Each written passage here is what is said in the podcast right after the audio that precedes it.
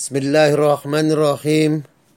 Assalamualaikum warahmatullahi wabarakatuh. Dear millennial, dear millennial, millennials who are loved by Allah, dear listeners, in this occasion I would like to talk about words of wisdom. Word of wisdom Man kathura ihsanuhu kathura ikhwanuhu. Man kathura ihsanuhu kathura ikhwanuhu. An aphorism that are usually memorized by students at Islamic boarding school in Indonesia. An, memo- an aphorism that are usually memorized by students at Islamic boarding school in Indonesia. Man kathura ihsanuhu kathura ikhwanuhu. It means whoever is more benevolent has many brothers. Whoever is more benevolent has many brothers. Whoever is more benevolent has many brothers. Talking about benevolent, the Jews, the Jews of good the doers of good, the good doers in the glorious Quran, in the glorious Quran, Allah says, in the glorious Quran, Surah Al Baqarah, verse 195, Allah said, Allah says, وأحسنوا إن الله يحب المحسنين وَأَحْسِنُوا إِنَّ اللَّهَ يُحِبُّ الْمُحْسِنِينَ And do good. Truly, Allah loves al-muhsinin. Allah loves, Allah loves the good doers. Allah loves the good doers. Truly, Allah loves the good doers.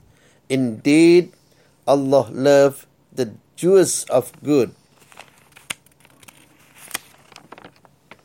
To be a muhsin, a Jewish, a jewel of good, doesn't you seemingly have to be perfect in everything you do? Doesn't you seemingly have to be perfect in everything you do? Since we all know that no one is perfect, no one is perfect and cannot be perfect since we all know that no one is perfect and cannot be perfect. What the muhsinun, what the doer of good, what the doer of good do is to try their best effort in pleasing Allah. Do is to try their best effort in pleasing Allah.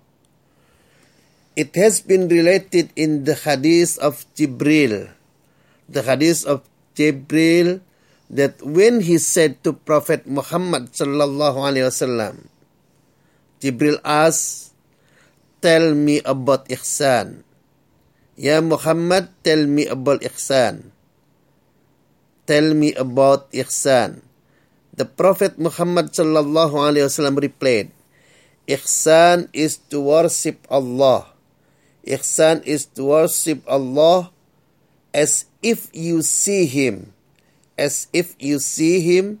For if you don't see Him, for if you don't see Him, then truly He sees you. Allah truly He sees you. Being a Muslim, being a Muhsin is one of the highest achievement for the believer. Being muhsin is one of the highest achievement for the believer. For believer. Attaining that level can make your whole purpose of existence a lot easier. What chance do you have to commit a deed?